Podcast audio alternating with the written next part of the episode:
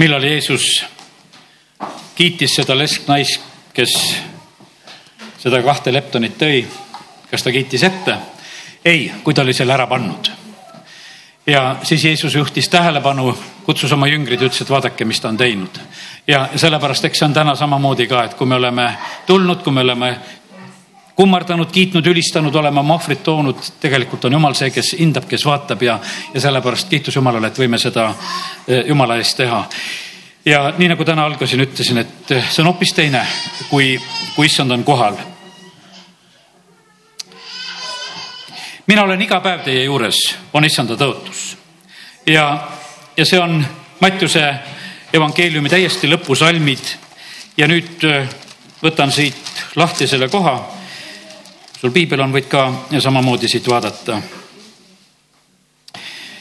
meie issand on see, nii nagu ilmutuse raamatust täna lugesime, ütlesime, et ta on, ta oli ja ta tuleb ja ta on tõotanud, et ta on igal päeval meie juures kuni ajastu lõpuni. no kelle juures ta siis on? no see ei ole päris nii, et ta on kõikide juures ma vaatasin täna hommikul seda kirja kohta ja mõtlesin, no aga kelle juures sa issand oled, kellele seda ütled? ja ma nägin seda, et ta ütleb seda nendele inimestele, kes olid tulnud ta juurde, seal olid tema õpilased olid seal koos. ja ta räägib nendele, et mulle on antud kõik meelevald siis äh, taevas ja maa peal. siis ta ütleb nendele, et, et minge tehke jüngriteks kõik rahvad, ristides need isa, poja, püha vaimu nimesse ja õpetades neid kõike pidama, mida mina teid olen käskinud ja siis on öeldud, et ja vaata, ma olen. ja need inimesed, kes ei tule issandat kummardama, sest seal oli niimoodi, et, et seitseteist salm ütleb sedasi, et, et ja kui nad teda nägid, kummardasid nad teda. täna me oleme kummardanud. mõned olid kahe vahel, mõned ei teadnud, kas kummardada või mitte. ja siis ütleb, et, et minge. no see on täiesti selge, et ega kõik ei lähe ei lähe kõike maailma, ei lähe õpetama, ei lähe neid asju tegelikult tegema, aga kallid, ma täna juba ütlesin, et väga tähtis on see, et me teeksime seda, mida püha vaim meie käest ootab. ja, ja kui me teeme seda, mida jumal meie käest ootab, siis ta on tegelikult meiega, siis see tõotus kehtib meile.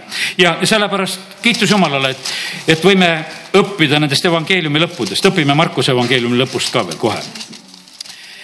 me tahame, et imed ja tunnustähed sünnivad ja Markuse evangeeliumi lõpp on väga hea õpetus selle koha pealt, et, et kuidas asjad käivad. no võtame ristimise koha pealt ka veel selle e, kuueteistkümnes salm kuueteistkümnendast peatükist. kes usub ja on ristitud, see päästetakse. kes usub, usku pead jääma ja ristimine sinna juurde, see saab päästetud. kes ei usu, mõistetakse hukka. kuid uskujaid saadavad sellised tunnustähed minu nimel nad ajavad välja kurja vaime, räägivad uusi keeli, tõstavad paljaste kätega üles mürkmadusid. kui nad jooksid midagi surmavat, ei kahjustaks see neid. haiged, kellele nad panevad käed peale, saavad terveks. kui issand oli nendega rääkinud, võeti ta üles taevasse ja ta istus Jumala paremale käele. aga jüngrid läksid välja ja kuulutasid kõikjal ning issand toetas neid ja kinnitas sõna tunnustähtedega. ja need, vaata, need tunnustähed ja imed tulevad siis, kui minnakse välja, kuulutatakse ja tehakse. ja sellepärast meie eh, peame sellest asjast lihtsalt õppima, kuidas need asjad käivad. jumal on kohal oma asjades, mida ta on tõotanud ja sellepärast ta tahab olla nende juures, kes kuulutavad ja teevad. ma usun seda, et sa oled kogenud seda, et kui sa hakkad issandast tunnistama ja kuulutama ja rääkima, siis sul äkki on kuidagi teistmoodi issanda kohalolu lihtsalt läheb suuremaks. lihtsalt läheb suuremaks. ja kiitus Jumalale, et, et need tõotused eh, kehtivad. issand ei ole kõikide koguduste juures ilmutuse raamatust, no võtame niimoodi, et ei riiva ühtegi kogudust, ammugi mitte, et hakkame võtma, et oma linnas, et kus ta on või ei ole. ja me sihukeste asjadega ei tegele, issand teab ise oma kogudusi ja kohalolu ja meie ei ole seal hindajad. aga ilmutuse raamatust, need seitse kirja, mis on öeldud, nendest võib küll õppida sest et ühele kogudusele issand ütleb ju täitsa otse, et aga ma olen ukse taga ja koputan. kui nelipüha ütleme, liikumine sündis, siis põhimõtteliselt oli nii, et issand ütles, et ka, et sellele vennale, sellele mustanahalisele vennale, kes seal tegelikult koridoris oli, keda valget hulk üldse ei lubatud, issand ütles, et noh, et ära, ära pabistada, et ma olen ka siin ukse taga, et ega nad mind ka sisse ei lase. ja, ja, ja see ja, ja see ja sellepärast on see niimoodi, et kallid ei ole igas koguduses issandat. igas koguduses räägitakse küll issandast nagu ütlesin, et vaata, kui issandat kohal ei ole ja tast räägid, see on tagarääkimine, eks. aga vaata, sa räägid tegelikult teistmoodi. vaata, kui jüngrid olid eh, omavahel nagu tee peal ja, ja kui nad äkki kogesid sedasi, et issand küsib, et no mis te, mis te seal tee peal rääkisite. no siis nendel oli nagu kitsas käes, et räägi seda, et kes on suurem ja mida nad seal kõik ära unistanud, eks. ja sellepärast, kallid, aga peame seda kogu aeg meeles, et tegelikult on nii, et me elame oma elu issanda ees, igast tühjast sõnast tuleb aru anda ja, ja, ja sellepärast, kui kogudusse tuleme ka, siis tule selle, selle igatsuse ja teadmisega, et siin me saamegi kokku issandaga. meile sünnib meie usku mööda ja sellepärast kiitus Jumalale, et, et võime seda igatseda ja ma olin nii tänulik Jumalale, kus äh, Jumal ütles siin just selle esimesel detsembril, kui ta ees olin, et, et ma olen kogu aasta vältel olen andnud sõna, olen andnud seda sõna.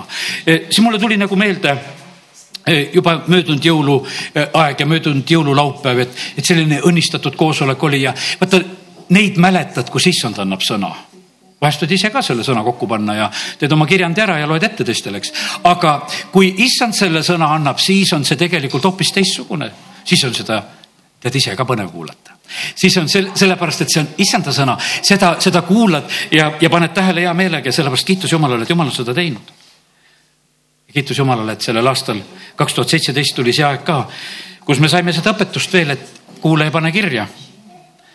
kui palju tegelikult on ilusat kirja panemata siis on rääkinud, aga me ei ole kirja pannud. aga praegu on nagu juhtunud nagu see õnnistus ka, et sa paned kirja ja sa võid korduvalt ja korduvalt nagu lugeda.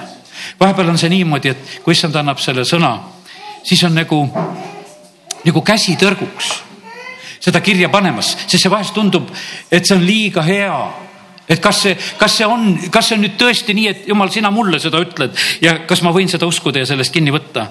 võta vastu, kui issand räägib ja sellepärast kiitus Jumalale, et ta ongi nii hea ja, ja ta tahab olla meiega ja ta tahab olla täiesti meiega koos. see on tegelikult tema eesmärk. kui me teda armastame, Johannese evangeelium neliteist, ma alguses võtan siin niisuguseid erinevaid eh, kohti piiblist lahti. Johannese neliteist, kakskümmend kolm, mulle nii armas salm. Jeesus vastas talle, kui keegi armastab mind, küll ta peab minu sõna. ja minu isa armastab teda ja me tuleme ja teeme eluaseme tema juurde kui meie Jeesust armastame, siis see tähendab, et me peame tema sõna, me hoolime tema sõnast. Ja jumal reageerib selle peale nii, et Jeesus ütleb, et meie tuleme, me tuleme koos isaga, me teeme eluaseme. kiitus Jumalale, et Jumal tahab olla kogu oma olemusega tegelikult meis kohal. Isa, poeg ja püha vaim. Ja sellepärast kiitus Jumalale. jah, Jumal on nii suur, ta on kõikjal, aga näed, nagu ma täna ütlesin, et, et ta ei pruugi olla kõikjal see võib olla nii, et kaks on voodis ja ühe juures on ja teise juures ei ole, üks, üks võetakse vastu ja teine jäetakse maha. E, targad ja rumalad näitsid, need olid kõik koguduses, ega need ei olnud, et pooled olid maailmas. ei, see oli koguduse kohta, see oli jumala rahva kohta, kõikidel olid lambid, e, kõikidel oli õli seal mingil määral. Aga tarkadel oli lihtsalt seda rohkem, tarkadel oli tagavara, tarkade lambid ei kustunud, kui issand tuli ja sellepärast kiitus Jumalale, et issand tahab tegelikult e, väga meiega olla. Ja kes Jeesuse vastu võtavad, nendele antakse meelevald saada Jumala lasteks. me võtame Jeesuse vastu ja me võime olla ülevalt sündinud. me võime saada ja võime olla Jumala lapsed, kiitus Jumalale selle eest. Rooma kaheksa, loeme seda. Rooma kaheksandast peatükist noh, see räägib sellest, et keda jumala vaim juhib, need on jumala lapsed, aga see on väga võimas peatükk ja natukene loeme sealt ka eelnevaid salme, Rooma kaheksa ja kaheksandast salmist. kes elavad oma loomuse järgi, need ei suuda meeldida Jumalale. pinguta, kuidas sa tahad. kui sa elad oma loomuse järgi, siis Jumalale jääb puudu. aga teie ei ela oma loomuses, vaid vaimus, kui Jumala vaim tõepoolest elab teie sees. kellel ei ole ka Kristuse vaimu, see ei ole tema oma jumal tahab, et tema lastel oleks tema vaim. asi on väga vaimne. Need, kes on siin selles maailmas, need on pimeduse võimuses. Need teevad neid tegusid, nad mõtlevad neid mõtteid. See elu käib siin selles maailmas nii, nagu see käib. aga meie, kes me oleme tulnud Jumala juurde Kristuses Jeesuses, meil on hoopis teine olukord. kui aga Kristus on teie sees, siis on ihu küll patu tõttu surnud, aga vaim õiguse tõttu elu. kui nüüd teis elab selle vaim, kes Jeesuse surnuist üles äratas siis see, kes Kristuse surnust üles äratas, teeb ka teie surelikud ihud elavaks oma vaimu läbi, kes teid elab. ja kiitus Jumalale, et Jumal tahab tegelikult meis elada, ta tahab olla meis. aga millest see nüüd nagu sõltub? tänase sellise sõnumi pealkirjaks panen selle, et, et kust sa toitud või kust sa sööd? kust sa saad endale toitu? vaata see, millest sa sööd, seda sa elad. kui sa elad oma nädala niimoodi, et, et valdavalt ütleme internet ja sealt teed oma valiku niimoodi, et vaatad uudiseid ja telekas ja asjad ja, aga sa võid teha ka, ütleme, sellised vaimulikud asjad. E, vahe on vahel. see, millest sa oled toitunud, tegelikult seda sa hakkad varsti ruttu rääkima. see on minuga täpselt samamoodi ka see on nii, et kui oled äh, rohkem vaadanud mingisuguseid asju, siis varsti räägid nendest asjadest. kui oled rohkem olnud issanda ees, varsti räägid nendest asjadest. millest sa toitud? Äh, mis on see toit, mida sina tarvitad, see tegelikult äh, määrab sinu olemise. vaimulik tugevus tuleb meil toitumisest. ja sellega on niimoodi, et täna on laud issanda surmamälestuseks kaetud, kes sööb ja joob sellest leivast ja joob sellest karikast, eks. see on väga tähtis, me tuleme selle Johannese kuuenda peatüki varsti juurde veel nüüd ja, ja vaata, see söömine ongi nii tähtis, et millest meie sööme. vaata, mille jaoks on söömine tähtis, me sööme mitu korda päevas, eks. ja mis juhtub, kui toiduga sa sööd? ta läheb sul kõhtu ja põhiline, ta läheb sul verre. ta saab osaks sinust. see toit läheb igasse rakku, iga sinu rakk küsib süüa meie mõtleme, et kõht tahtis süüa, nüüd kõht täis, et nüüd on hea olla. ei, see ei ole see, vaid tegelikult on iga rakk küsib, et ma tahame süüa saada. ja see peab minema sinna, nii et ta läheb igasse, igale poole. mõtle välja, kus igal pool ta läks, eks. ja ta läheb igale poole, sest et kõikjal on seda vaja. ja sellepärast on kallid nii see ka, et, et me vajame vaimulikult samamoodi, et, et me vaimulikult elaksime, me vajame toitu Jeesus ütleb seda, eks, et samamoodi, et inimene ei ela üks pennis leivast, kui teda kiusatakse, vaid igast sõnast, mis lähtub jumala suust. ja, sellepärast on väga tähtis, on jumala sõna. aga kallid, me ei ela isegi ainult sellest, et, et meil on toit olemas, et me saame seda süüa, sest et piibel on olemas. ükski laps ei lepi sellega, et ema paneb ainult kirja talle hommikul sinna voodi kõrvale. no vahest me paneme, et toit on külmkapis ja võta sealt, eks, kui on suuremad lapsed juba aga põhimõtteliselt on see, kui laps teeb silmad lahti, siis on tal, kus on ema. kus on ema, ta otsib ema. ja sellepärast on see niimoodi, et lisaks sellele eh, toidule, lisaks sellele sõnale, mis on jumala sõnas, me vajame täiesti kontakti, me vajame jumala lähedal olu. ja sellepärast, kallid, see on niivõrd oluline, et, et me saaksime olla issandaga koos, saaksime teda, teda süüa, saaksime temast osa. andku jumal meile seda ilmutust Jeesus kõigepealt toidab ära need viis tuhat meest ja need naised ja lapsed peale, teeme selle Johannese kuuenda peatüki nüüd lahti ja hakkame mõtlema, kuidas meie selle söömisega on. ja Johannese kuus ja ma seda eelnevat osa ei hakka lugema, ma lähen kohe neljakümne kaheksanda salmi juurde, kus Jeesus ütleb väga otseselt, et mina olen eluleib. Teie esisad sõid kõrbes mannat ja surid. see on leib, mis taevast alla tuleb, et inimene sellest sööks ega sureks. mina olen taevast alla tulnud elav leib. kui keegi sööb seda leiba, siis ta elab igavesti ja leib, mille mina annan, on minu liha ja ma annan selle maailma elu eest sellest tõusis juutide keskel suur tüli. Nad küsisid, kuidas saab tema anda meile süüa oma liha. Jeesus ütles talle tõesti, tõesti, ma ütlen teile, kui te ei söö inimese poja liha ega joo tema verd, ei ole teie sees elu. kes sööb minu liha ja joob minu verd, sellel on igavene elu ja mina äratan ta üles viimsel päeval. sest minu liha on tõeline roog ja minu veri on tõeline jook. kes sööb minu liha ja joob minu verd, see jääb minusse ja mina temasse. nii nagu elav isa on minu läkitanud ja mina elan isa läbi, nii elab ka see, kes mind sööb minu läbi see ongi leib, mis on alla tulnud taevast. see ei ole niisugune leib, mida teie esiisad sõid ja surid aga kes seda leiba sööb, elab igavesti. Jeesus ütles seda Kapernauma sünagoogis õpetades ja paljude jaoks oli see väga raske jutlus. ja ma ei tea, mis sinuga toimus, kas sa üldse suutsid kaasa mõelda? tead, sa ei suuda kaasa mõelda, kui vaim sinul seda ei aita seda ei ole võimalik lihtsalt niimoodi, et, et sa teed endale mõistusega, ei sa tee endale uuesti sündi mõistusega selgeks, ei sa tee seda Jeesuse ihu söömist selgeks, et, et ma seda söön, et mis see siis on. aga vaimulikus mõttes sa hakkad kohe seda mõistma. Ja sellepärast on see niimoodi, et, et ega nende toitude ja asjadega on täpselt nii, et ega me ühtegi toitu ennem ei mõista, kui me oleme sellest söönud maitske ja vaadake, kui hea on meie issand. ja kui sina issandat söönud ei ole, siis räägi sulle palju tahes, et kui hea see issand on.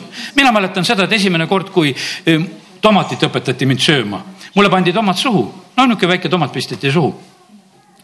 no aga mis sest kasu on, kui ta on tervelt seal suus, eks mul pigistati see lausa suus puruks, et ma seda sööks, sellepärast et noh, et muidu ma maitset ikka kätte ei saa ju, sest see maitse oli seal sees ma võiks sellesama lupsi suust välja ütelda, et tühja sellest, eks, sellest tomatist mul on tead. ja, ja sellepärast, kallid, me peame niimoodi sööma, et me tunneme seda maitset ja sellepärast issand ütleb ja pane tähele, et see on, ütleme, ära ole mures, et nüüd on mingi toidujutt ja jõulud tulevad ja ülesöömine ja, ja, ja et Jeesusest sa ei söö kunagi üle. sa ei söö seda üle, see, see ei ole selline, jah, temas on kõik, ta on kogu jumala olemise täius. Aga paksuks sa sellest ei lähe ära karda seda ja, ja see ja sellepärast seda võid süüa nii palju kui tahes, rohkem ja rohkem, sa võid januneda tema järele rohkem ja rohkem, sellepärast et selles on kõiges tasakaal selles on nii tasakaal ja see on see, mida sa enam tegelikult kõige rohkem vajad. see ei ole niimoodi, et paljud mõtlevad, noh, et palusin päästepalve ära ja siis elan, kuidas elan. ei, sa pead iga päev sööma. E, kui sa siit Johannese evangeeliumist nüüd vaatad, e, viiskümmend üks salm, e, kui keegi sööb eks ma tõmbasin alla need kõik need söömise kohad. viiskümmend kolm räägib jälle, kui te ei söö. viiskümmend neli, kes mu liha sööb. viiskümmend kuus, kes minu liha sööb viiskümmend seitse lõpeb selle söömisega, viiskümmend kaheksa räägib sellest söömisest. see jääb meile, me ei saa ette süüa, me ei saa järgmise pühapäeva jaoks ette süüa. me ei, me ei saa uueks aastaks ette süüa, et me sõime nüüd kõik ära ja, ja siis on meil korras. ei, me ei saa seda, vaata, see on nagu manna, et igaks päevaks oma ports ja, ja tuled tagasi, tuled jänusena, tuled näljasena. ainult vahe on vahel sellega, vaata, kui sa oled juba harjunud sööjaga siin, vaata, mis siis juhtub siis sa tuled väga loomulikult nõus käid, ma käin Riias tavaliselt alati, peaaegu alati ühes ja samas hotellis, kus käin siis ma oskan seal sööma minna, ma tean, kus koha peal need potid on seal ja ma lähen juba selle õige kaane tõmban üles ja sealt ma leian seda teist.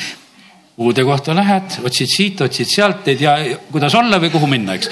aga, ja, ja sellepärast on, see on aru saada, kas sa oled sööja, kas sa oled ennem käinud või oled sa täiesti kimbatuses, et mida siin tehakse. ma mäletan, läksin sõjaväkke esimene päev Moskvas olen väeosas. Lähen lauda. esimene söök, sõjaväesööklas. teised olid jube näljased juba, sest nad olid mõnda aega seal juba jooksnud ringi ja olnud mina tulin veel alles kodust, mul ei olnud veel nälg kallale tulnud, võiks ütelda, mul oli nii, et täiesti niisugune, et söögist oli peaaegu ükskõik. ma mäletan, et ma võtsin seal kas paar suhkrutükki enda tee sisse üks vaatab kurja näoga, üks teine sõdur üle laua otsa mulle, näitab, et viis peab panema. tead, et, et mina mõtlesin, mis asja, tead, et, et viis peab panema, tead, eks ja. et mul jätkub sellest kahest suhkrutükist küll seal tee sees. ei no varsti oli neid viite kõike vaja, kui sa ka juba näljane olid, aga, aga sellel hetkel veel ei olnud, ma ei olnud veel õppinud sõduri moodi sööma sa võisid hakata niimoodi rahulikult, aga varsti oli käsk, et püsti ja välja. jõudsid süüa või ei jõudnud, kellega asi ei olnud. kui sa jõudsid ära süüa ja sellepärast see kõik käis seal kiiresti, kõik need, kes juba teadsid, need sõid niimoodi. ruttu sõid, sest ega kaua ei lasta, varsti öeldakse, et püsti, rivvi ja välja ja ei ole siin mingisugust söömist enam. ja sellepärast kallid on niimoodi, et äh, õppige sööma oma issandat. Jeesus ütleb, et sööge mind. õppige seda koguduses sööma õppige seda sööma, õppige niimoodi sööma, et söögi all magama ei jääks. üks õde oli selline hea õde meil, seisis jutluse ajal püsti. mina kunagi küsin, miks sa püsti seisad? saab muidu jääd magama. ma ei saa, ma ei saa, eh, ta ütles, ma tahan kuulata, aga mul tuleb uni peale. ma seisan sellepärast püsti. ta elas maal, ta tegi loomadega tööd, tal oli palju tegelikult ülesandeid, ta käis pikki maid vahest jalgsi ja ta oli väsinud. ütles, et siia tuled, istud nii ja noh, no uni tuleb peale. aga no süüa tahaks siis oli sedasi, mina mõtlen, miks üks seisab kuuldes. võite ka järgi teha, kui tahate, seisate ja peaasi, et kuulate ja, ja me keegi ei pahanda. ja, ja sellepärast, kallid, see on tähtis, et me saaksime söönuks mäletan, et abikaasa rääkis, kord läksid ekskursioonile, kõige vanem poeg oli siis hästi väike veel ja oli kaasas. no meie jaoks oli ta suur, alati need ju esimesed on suured, kui väiksemad on järgi. ja ütles, et olid, läksid ka seal kuskil restorani sööma, ütles, et see magas seal laua taga, tema võttis siis kot, kotleti kaasa, sellepärast et noh, seal magades ei söömata. Sest et vaata, sul võib jääda söömata siin ka. lihtsalt jääbki söömata. ma olen nii palju jutlusi kuulanud internetist ka samamoodi, et söömata jäi. õhtul hakkad kuulama ja ise nagu, nagu kuulasid midagi, nagu unes ka veel kuulad, kui juba magad, ikka nagu kuulad ja kuulad ja. aga siis kui hommikul paned selle jutluse uuesti. ohoh, mis ta seal rääkis. tead, siis sa saad päris selle kätte ja sellepärast, kallid, on väga tähtis, õpi sööma õpi sööma. täna ma räägin valdavalt seda, et, et äh, ma räägin, pastor Šapovalov pidas väga hea jutluse sellest, ta rääkis sellest, et me võime süüa elupuust ja me võime süüa ja, ja kurja tundmise puust. tulen selle mõtte juurde ka. see väga inspireeris täna seda, mind üldse ka kõike seda rääkima ja sellepärast kiitus Jumalale, et, et see toit on nii tähtis.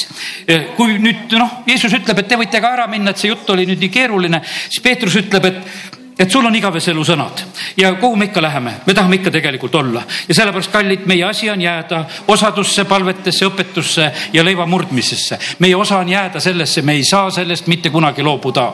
me ei, me ei saa piibli lugemisest loobuda, me ei saa nendest, nendest hetkedest loobuda, kus me läheme issand ette ja küsime tema käest, mitte kunagi seda ei saa loobuda, sest tuleb uus päev, jälle on hea küsida issanda käest, mis on, mida sa tahad ütelda? Ja see on parim, mis tegelikult üldse olla nagu saab ja sellepärast aidaku Jumal meid, et me selle toitumise asjaga pihta saame.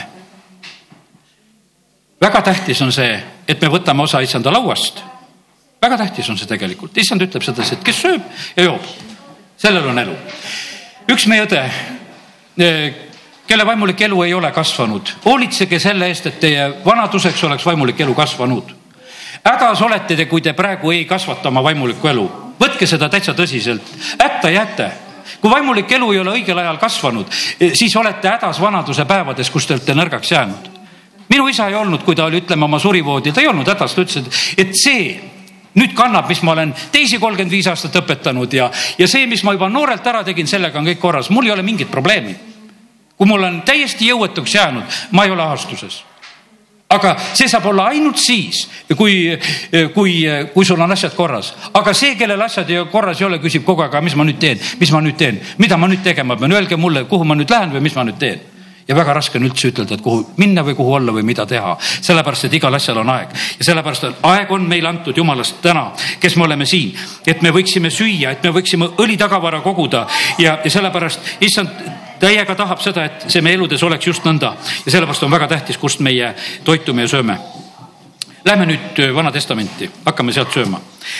esimese Moosese raamatu teine peatükk ja mäletan kord, üks vend oli päris kuri minuga.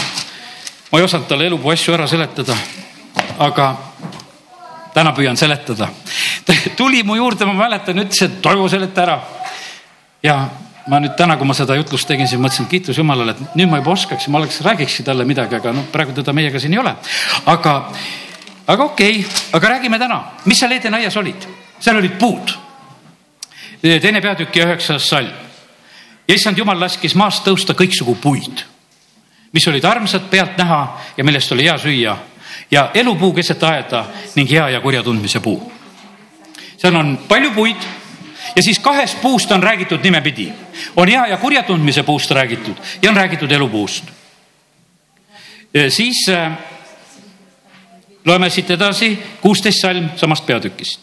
ja issand jumal keelas inimest ja ütles, kõigist aiapuudest sa võid küll süüa, aga hea ja kurja tundmise puust sa ei tohi süüa, sest sel päeval, mil sa sellest sööd, pead surma surema. kuhu keeld läks? Keeld läks hea ja kurja tundmise puu peale. elupuust ei ole nagu juttu. elupuu, hea kurja tundmise puu, hea ja kurja tundmise puust keelatakse süüa. ja sellest, millest keelati süüa, sellest inimene tegelikult sõi. ja selle ohvrid oleme meie praegusel hetkel kõik. me oleme kõik hea ja kurja spetsialistid. me teame kõik, mis on õige, mis on vale. Me oleme väga loogilised, me oleme oma loogika saanud sealt, me oleme õppinud ühte asja tundma. me näeme sedasi, et kui see, see asi nagu sünnib, saatan väga meelitas, et inimene sööks sellest. ta ei meelitanud, et mine elupuust sööma ta ütles, et mine söö sellest hea ja kurja tundmise puust, siis saad nagu jumalad, hakkate, silmad lähevad lahti ja, ja, ja tõesti midagi juhtus ja me oleme praegusel hetkel selles loogilises maailmas. milline usklik sina oled täna? kas sa sööd elupuust või sööd sa jätkuvalt sellest hea ja kurja tundmise puust? Need usklikud, kes ütlevad, et ma kümmet käsku tunnen, need söövad sellest hea ja kurja tundmise puust siit saadik. sest et tegelikult sa pead sööma issandast. kui sa sööd kümnest käsust siis sa oled see spetsialist. kas tehti õieti või valeti, sina tegid jälle õieti, sina tegid valesti, sina tegid õieti, sina tegid valesti. kui sa sööd issandast, siis issand ütleb, et tead, kuule, ma olen hingamispäeva isand. siis hoopis teistmoodi. Teised ütlevad, miks sa hingamispäeva ei pea? Jeesus ütles, ma olen hingamispäeva isand kui sa sööd temast, siis tegelikult sinu sisse tulevad need õiged tahtmised. ja, ja sellest tegelikult me kristlastena ja jumala lastena väga erineme, ka need päästetud ja sellepärast on see nii, et, et need, kes ütleme, kellel õli ei ole, eh, kindlasti on need, kes jäävadki sööma sinna eh, nendesse, nendesse hea ja kurja tundmise puudesse. kas variserid ei tahtnud väga jumalat teenida? Nad olid palju innukamad kui meie. Nad tegid seda väga innukalt, ainult mis nad Jeesusega tegid? Nad lõid Jeesuse maha, võiks ütelda, nad tapsid Jeesuse ära. Nad ei söönud Jeesust. Nad viskasid välja. Eh, eh, nad tegid Jeesusega küll midagi, aga nad lükkasid selle toidu tegelikult kõrvale. Jeesus ütles, et mina olen see leib, mis on taevast alla tulnud, kes mind sööb. sa mõtle, milline jutlus oli Kapernaumas räägitud, et, et te peate mind sööma. no mine koju ja mõtle läbi, et mis, mis söömine see on aga nemad võtavad kätte ja löövad oma söögi risti. no ütleb, me ei taha seda, parem hävitame sind ära, me ei taha sind ja sellepärast, kallid, me elame siin selles maailmas, eh, kus me peame tegelikult õigest kohast toituma ja ainukene õige koht on toitumiseks meil on, kui meie toitume oma issandast.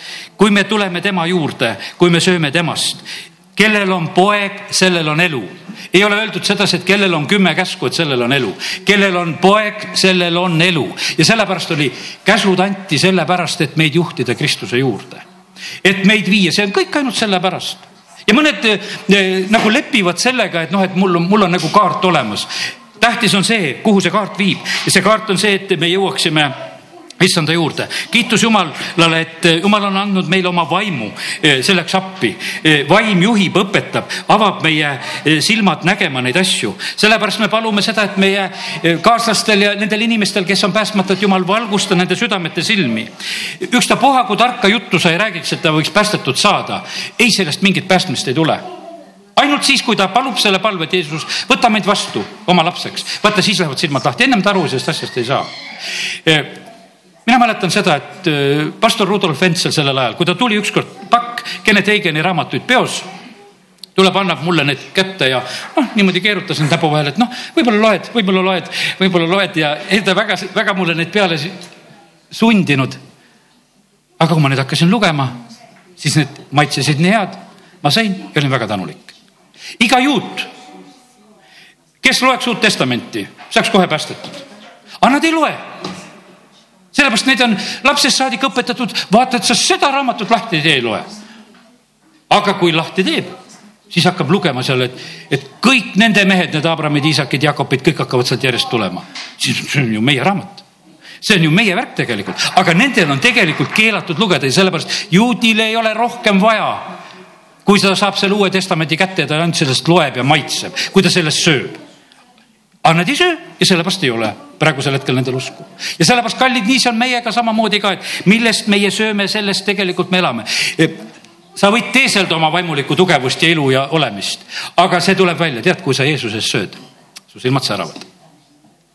sul on hea lõhn, kui sa Jeesusest sööd tead, me vahest oleme targad, et kuule, tark kohvijood ja higi tuleb paha isuga ja, aga, aga söö Jeesust ja sul on hea lõhn kõigis paigus kõigis paigus. Ja sellepärast ja su silmad säravad, see, see on, ma ütlen, et vaata kassidele ja koertele loed sealt telekast vaatad, et, et millal need hambad teravad ja karvad läigivad, eks, et, et pead midagi sööma seal, eks. aga kallid kristlasele on see, et me peame sööma Jeesust, siis meil on tegelikult elu. Ja siis su silmad säravad, su karvad lägivad ka siis. Ja sul on kõik tegelikult korras, sellepärast et su, su pea on õliga, eks, su karikas on üleni täis. see, see on võimas mis siis olla saab. Ja sellepärast, kallid, eh, täna, täna ei ole keeruline jutt enne jõulu. Eh, sa võib-olla mõtled, et noh, et ei tea, kuidas ma saan, kas ma saan neid eh, lihaseid ja vorstisid nii palju, kui ma tahan. võta selle jõuluajal nii palju Jeesust, kui saab.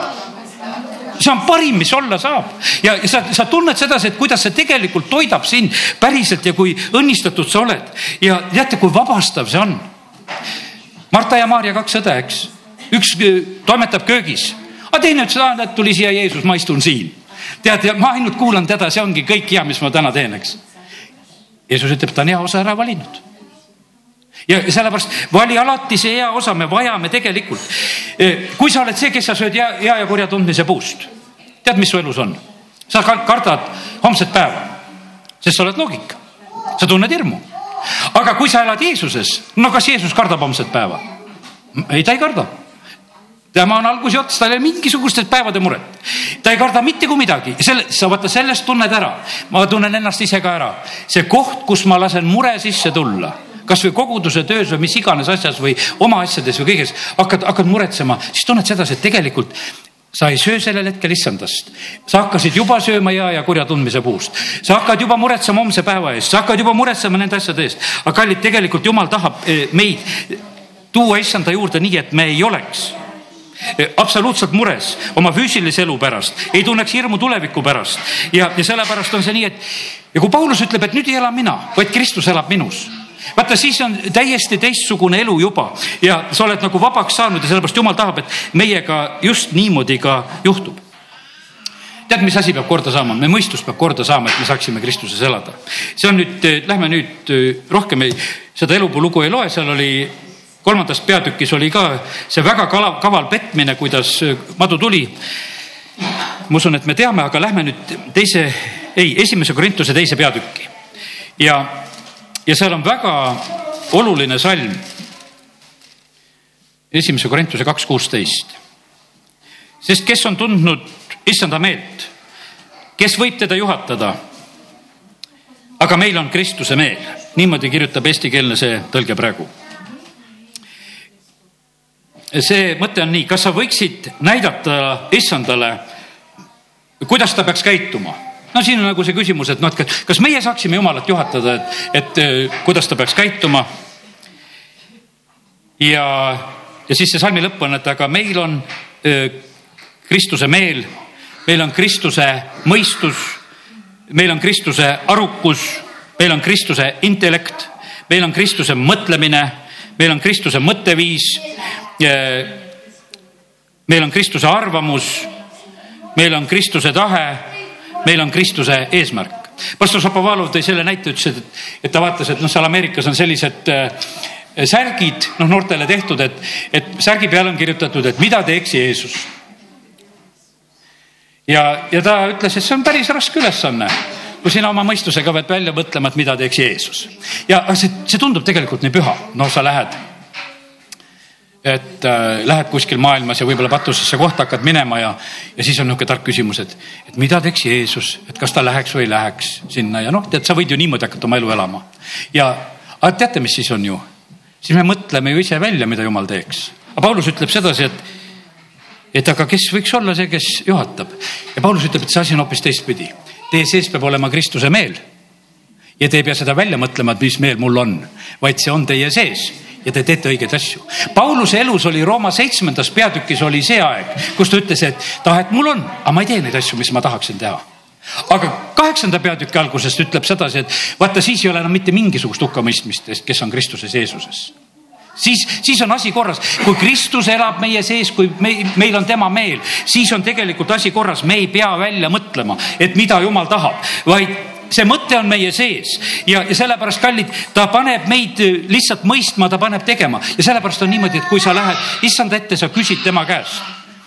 sa võid julgelt hakata nendest mõtetest, mida, mida sellel hetkel sulle, sulle antakse panema. kui Kristuse meel on sinu sees, siis tulevad õiged asjad sinna kirja ja sellepärast on väga tähtis, et meil toimuks see meeleuuendus, nagu see Rooma kaksteist kaks olla päästetud, aga lisaks sellele peab olema tegelikult meie meel uuendatud.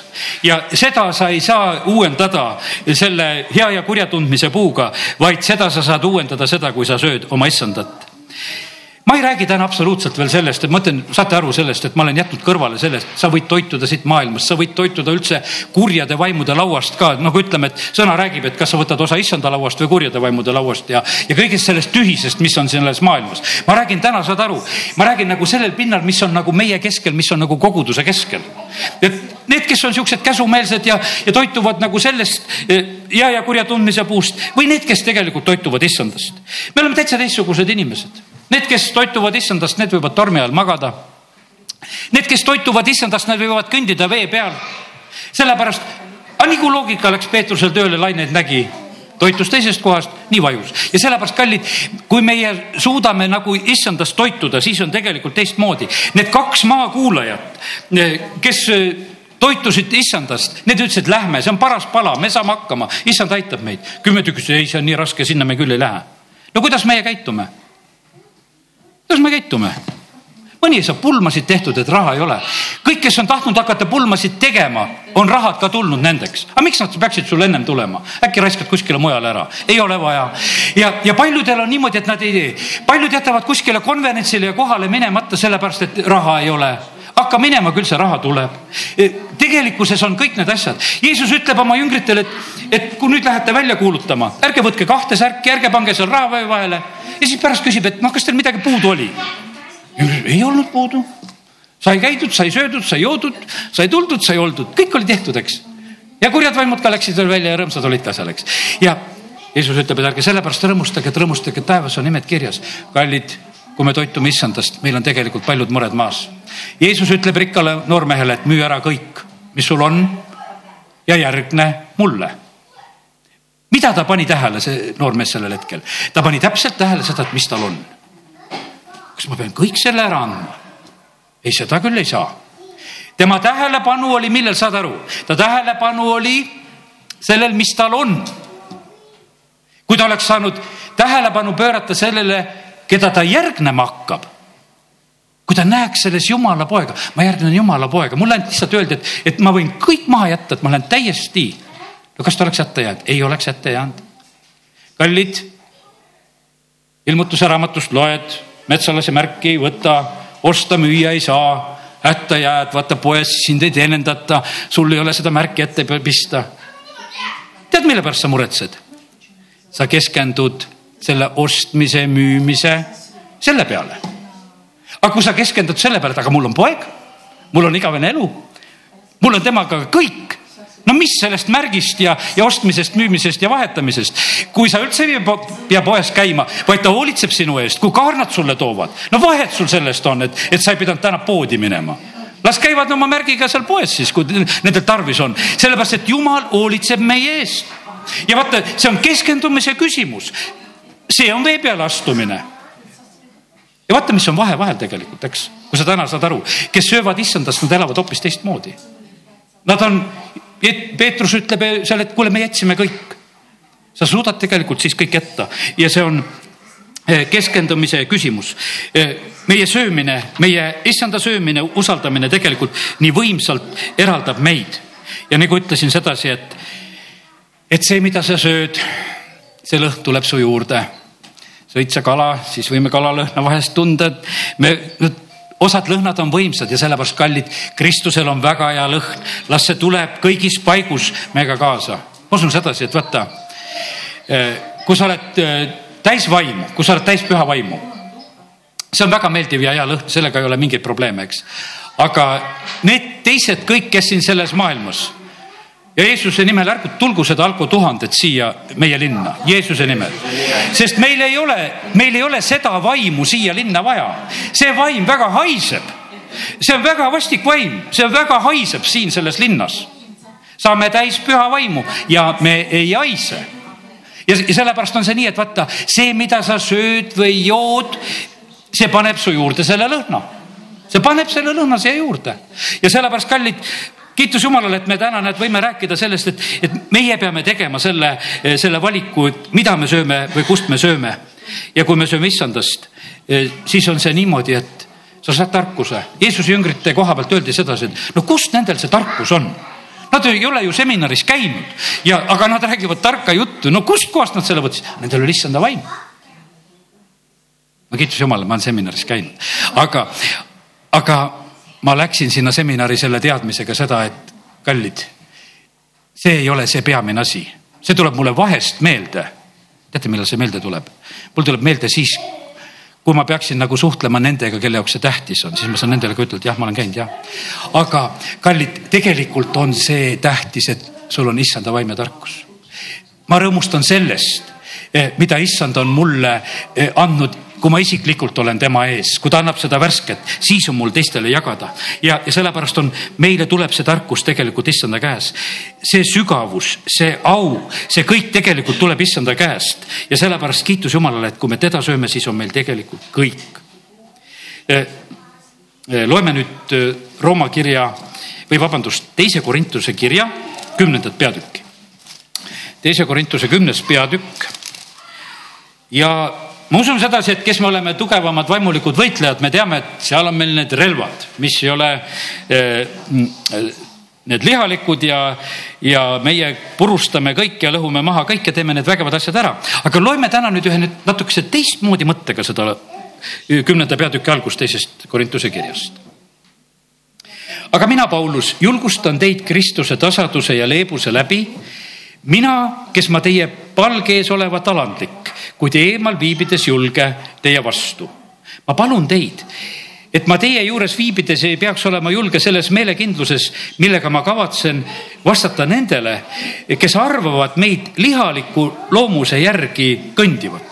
Paulus ütles, et teda süüdistatakse, et sa elad lihas, sa elad nagu maailm, sa käitud ja elad nii aga ta ütleb ei, sest lihalikus ihus elades ei sõdi meie selle loomuse järgi, vaid meie võitluse relvad ei ole ju lihalikud, vaid need on jumalas vägevad kindlustuste mahalõhkumiseks me kummutame targutused ja purustame iga kõrkuse, mis tõstab end jumala tunnetuse vastu ja võtame vangi Kristuse sõna kuulmisse kõik mõtted. kus sa saad võtta need asjad kõigepealt vangi? Sa saad enda juures võtta need vangi. me ei saa teiste mõtteid käskida.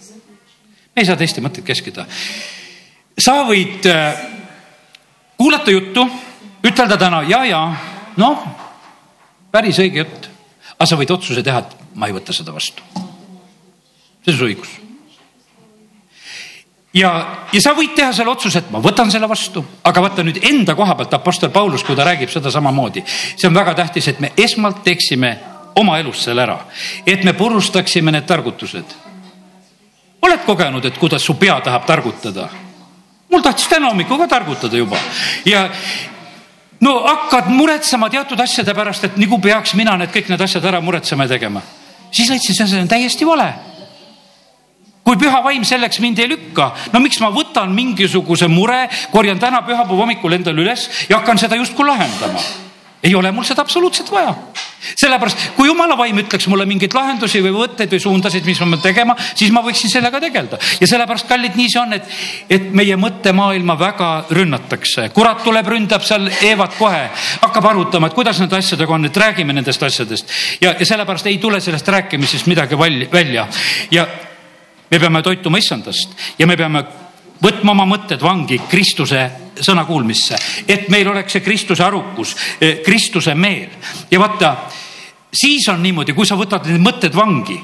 no ma ütlen sedasi, et kui meil täna keegi ütleks, ma mõtlesin sedasi, et kui ütleks, et kuule, et anneta kõik ära, mis sul on. no see tundub sedasi. no kellega me targutama hakkaksime? no kõigepealt siit, eks ma ise mõtlen, et, et kui jumal, sa annad selliseid ülesandeid. no usuisale Abrahamile öeldakse, et vii oma poeg ohvriks. no kus sa targutad? no siin targutad. aga ta oli usu juba ära õppinud, et kuule, ei tasu targutada. kui ütles, siis ütles. ja sellepärast on see nii, et, et ma vahest vaatan nagu noh, niisuguse aukartusega neid isegi neid lastele tehtud multikaid sellel samal teemal. et kuidas need multika tegijad sellise teema oskavad lastele üldse lahti teha et seda rääkida, et mingisugune isa peab oma poega viima ohvriks ja oma pojaga suhtlema ja et, et sa teed sellise multika, et, et seda nagu kannataks ära vaadata. hakkama saavad. ja sellepärast, kallid, vaata usuasi on selle, selline, millega saab hakkama. usklikule on kõik võimalik. ka ära ütelda. kas see on võimalik? usklikul on kõik võimalik meie alati võtame sellest nagu positiivselt, et noh, et nüüd on usutegu, me teeme sedasi, aga pea seda meeles, et sul on võimalik ka teha valesid sammusid ja nii tegi see eh, rikas noormees läheb kurvalt ära, ta teeb tegelikult vale sammu ja sellepärast, kallid, issand ütleb, et tulge minu juurde. kuidas sa pühaks saad? mäletan, üks mees kunagi kutsusin, ütlesin, et tule omale kotta. ta ütleb, ei tule, ma olen nagu patukott et noh, et umbes, et tema ei sobi siia, et ta sellepärast ei tule. aga kuidas sa pühaks saad? tegelikult on nii, et kui me tuleme issanda juurde, vaata see tema juures olemine mõjub meile. issanda lähedus mõjub meile. kuidas tuleb ärkamine meie linna? kas see, see, et me külvame selle linna lihtsalt traktaate täis ja, ja ütleme, et nii on õige ja nii on vale ja teeme talle selle selgeks? ei, see ei teo seda. aga kui issand on ise kohal, tema lähedalolu paneb käituma teistmoodi ja sellepärast, kallid, meil on vaja, et issand tuleks meie juurde, meie tuleksime tema juurde. Ja, sellepärast on, see on tegelikult, me vajame eelkõige, me vajame issandat, me vajame tema, tema lähedalolu ja sellepärast see muudab meid, me vahest näeme nii palju tegelikult vaeva. noh, sellega, et ise kuidagi saada tublimaks ja paremaks. Ja jumal teeb selle otsuse, et ma annan teile oma poja, kes tema vastu võtab see saab jumala lapseks. kui see poeg on meis, siis tegelikult meie mõttemaailm muudetakse, me ei pea seda ise muutma.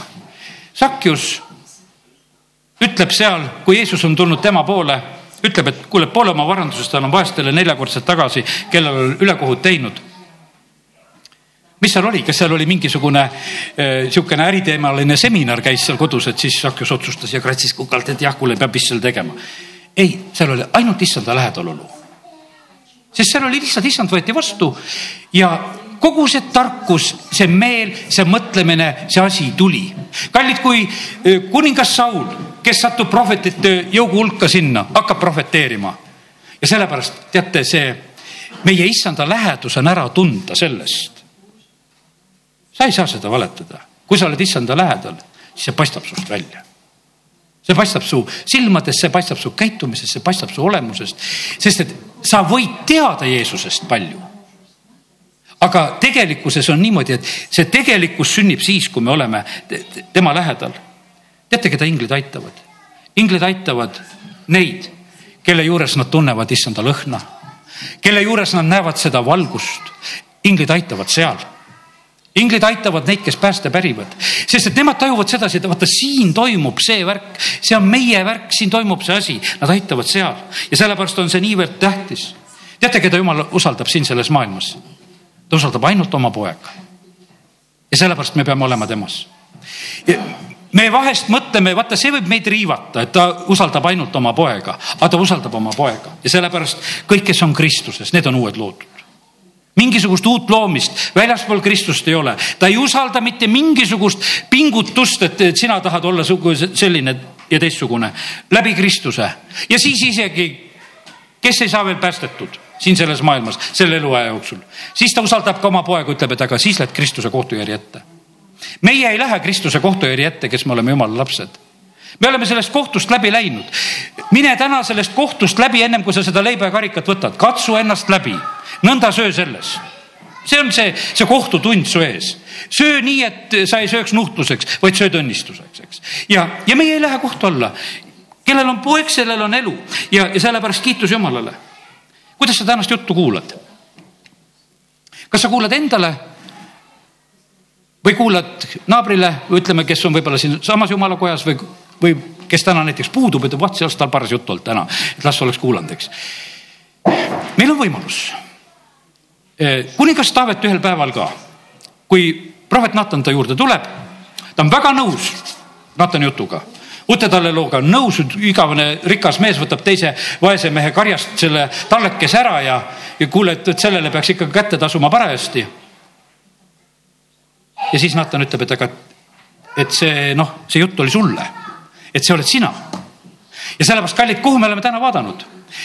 Jakobus ütleb, et kui me tuleme ja vaatame sellesse peeglisse, peeglis vaadates sa võid selle peegli nii sättida, et sa näed, kes sul taga istub. eks juuksuris on hästi huvitav, tavaliselt on nii, et, et peeglid ühes seinas, teises seinas ja sa näed väga paljusid seal, kus sa istud. et sest, et oled seal peeglite vahel, aga kallid. jumal tahab, et kui me tuleme ja me vaatame sellesse peeglisse, et me vaataksime enda pärast mitte ja me ei tohi seda unustada ka ja sellepärast on see nii, et, et täna näed see sõna, millest me oleme rääkinud, et, et me küsime, et kust me sööme. kus me tunneme ennast mugavalt kas me tunneme palvekambris ennast mugavalt, kas me tunneme issanda eest küsides mugavalt, kas me, kas me tunneme piiblit lugedes ennast mugavalt, et kus on see meie söögikoht ja sellepärast, kallid, vaatame selle peale, sest sellest sõltub, mida me sööme, seda me tegelikult oleme. ja meil on niimoodi, et, et me oleme vahest nagu õnnelikud selle üle, et mis meil on ja mis ei ole. Vahet sellest on, mis sul on või ei ole. väga tähtis on see, et kelle oma sa oled kui sul on issand, kui sa oled tema oma, siis on sul tegelikult kõik. ja kõik muu on tühine ja sellepärast, kallid, see adventaeg, kus noh, ütleme, et on ilus aeg, küll öeldakse, et hakkame head tegema, teeme siia-sinna ja inimesed lähevad ärdamaks ja toredamaks ja, aga ka sellest on vähe. väga tähtis on see, et kelle oma sa oled. Kui sul on poeg, siis sul on elu. jumal ei ole teist lahendust andnud. ja söö teda nii palju kui jaksad. amin, tõuseme. isa, ma tänan sind. ma tänan sind, Jumal, et sa oled täna oma poja seadnud meie silmad ette. ja me täname sind, Jeesus, et sa tulid siia sellesse maailma selleks, et meil võiks olla elu. me kiidame, täname, ülistame sind selle eest. me täname sind, Jeesus, et sina tegid omalt poolt kõik lõpuni, et äh, meie saaksime tunda isa, tunda sind ja, ja tunda ka püha vaimu sest püha vaim on täpselt see samasugune, nii nagu sina, Jeesus, olid siin selles maailmas. täna me kiidame, ülistame sind, et sa tegid Jumala meile tuntavaks ja arusaadavaks. me täname sind, Jeesus, et me oleme sinu kaudu võinud tulla Jumala riiki. tänu sulle, et sina oled meie päästja. kiitus ja tänu sulle. amin